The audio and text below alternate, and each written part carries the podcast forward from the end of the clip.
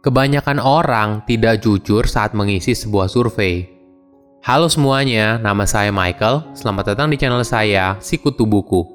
Kali ini saya akan bahas buku Everybody Lies karya Seth Steven Davidowitz. Sebelum kita mulai, buat kalian yang mau support channel ini agar terus berkarya, caranya gampang banget. Kalian cukup klik subscribe dan nyalakan loncengnya. Dukungan kalian membantu banget supaya kita bisa rutin posting dan bersama-sama belajar di channel ini. Buku ini membahas soal bagaimana internet bisa memberitahu siapa kita sebenarnya. Ketika menggunakan internet, khususnya media sosial, kita menampilkan sisi sempurna dari diri kita di depan follower. Namun, di waktu yang sama, internet juga menyimpan rahasia terdalam kita Ketika kita sedang berselancar di internet, kita mencari suatu hal yang tidak pernah kita katakan sebelumnya. Kita jujur tentang apa yang kita sukai dan apa yang kita butuhkan. Melalui analisa terkait Google Trend dan preferensi orang dalam melakukan pencarian di Google, Seth akan memberikan kita kebenaran yang tersimpan. Saya merangkumnya menjadi tiga hal penting dari buku ini. Pertama, kenapa mengisi survei tidak jujur? Pada dasarnya, setiap orang pasti pernah berbohong. Mereka berbohong soal berapa kali mereka olahraga setiap minggu, mereka berbohong soal harga sepatu yang mereka beli, mereka berbohong ketika diminta untuk mengisi survei, dan sebagainya. Kebanyakan orang juga tidak melaporkan perilaku dan pemikiran yang memalukan di dalam sebuah survei. Mereka ingin terlihat bagus, meskipun sebagian survei bersifat anonim. Ini yang disebut sebagai social desirability bias ini merupakan bias yang sering kali terjadi dalam survei, karena responden ingin menjawab sesuai dengan pandangan baik oleh orang lain. Sebuah survei menanyakan kepada lulusan dari University of Maryland soal pengalaman kuliah mereka, termasuk dalam nilai GPA mereka. Menariknya, ada fakta yang tidak cocok antara GPA yang mereka tulis di dalam survei dengan kenyataannya.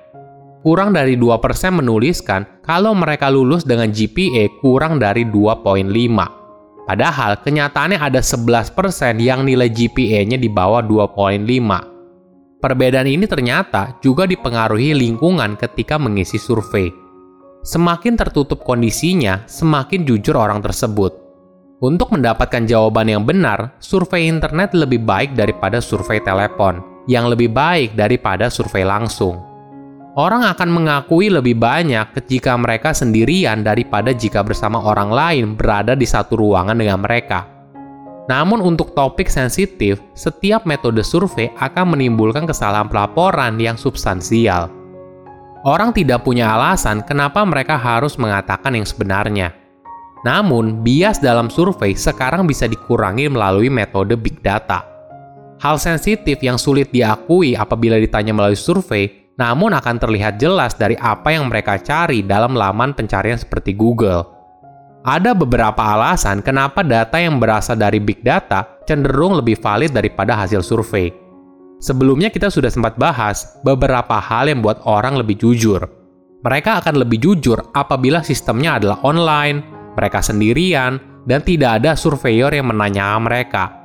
Pencarian kita di internet akan membuat kita mempelajari orang lain dengan lebih baik, karena hasil pencarian bersifat pribadi sekali bagi setiap orang. Saat seseorang dalam kondisi anonim, maka mereka mampu mencari atau menyampaikan aspirasi mereka tanpa takut dihakimi oleh orang lain. Namun, tidak semua big data bisa memberikan kebenaran. Orang cenderung akan berbohong atau melakukan manipulasi di media sosial karena tekanan dari teman, keluarga, atau publik mereka akan berusaha tampil lebih baik walaupun tidak semua hal tersebut sesuai dengan kenyataan. Kedua, big data untuk mencari kebenaran. Buat kamu yang belum tahu, big data berarti jumlah data yang sangat banyak. Oleh karena itu, diperlukan sebuah mesin untuk memprosesnya. Hal ini sebenarnya bukan hal yang asing bagi kita, namun sering kali kita menggunakan intuisi dalam proses data yang banyak. Seth memberikan contoh percakapan dia dengan neneknya Suatu hari, neneknya yang berusia 88 tahun memberikan saran kepada Seth kalau istri ideal bagi Seth adalah wanita yang cerdas, baik, lucu, pandai bergaul, dan cantik. Saran ini berasal dari puluhan tahun pengamatan neneknya terhadap hubungan percintaan yang berhasil dan gagal. Ini yang disebut sebagai intuisi, namun ini bukan data sains. Data masa lalu ini harus diperiksa ulang apakah sesuai dengan kenyataan atau tidak. Neneknya juga bilang kalau pasangan yang punya banyak teman yang sama akan punya peluang lebih tinggi untuk pernikahan yang langgeng, berdasarkan pada pernikahannya sendiri. Namun sebuah studi yang menggunakan data Facebook berkata sebaliknya. Orang akan cenderung mengubah status mereka dari in a relationship menjadi single ketika mereka punya banyak teman yang sama. Big data berguna bukan karena banyaknya data yang dikumpulkan, tapi kegunaan dari data tersebut. Dengan kata lain, data ini dapat membuat sebuah pola atau prediksi. Seorang profesor dari Harvard University bernama Raschetti ingin mengetahui apakah American Dream masih ada atau tidak. Lebih spesifiknya, dia ingin tahu seberapa besar kemungkinan orang yang terlahir miskin kemudian menjadi kaya raya.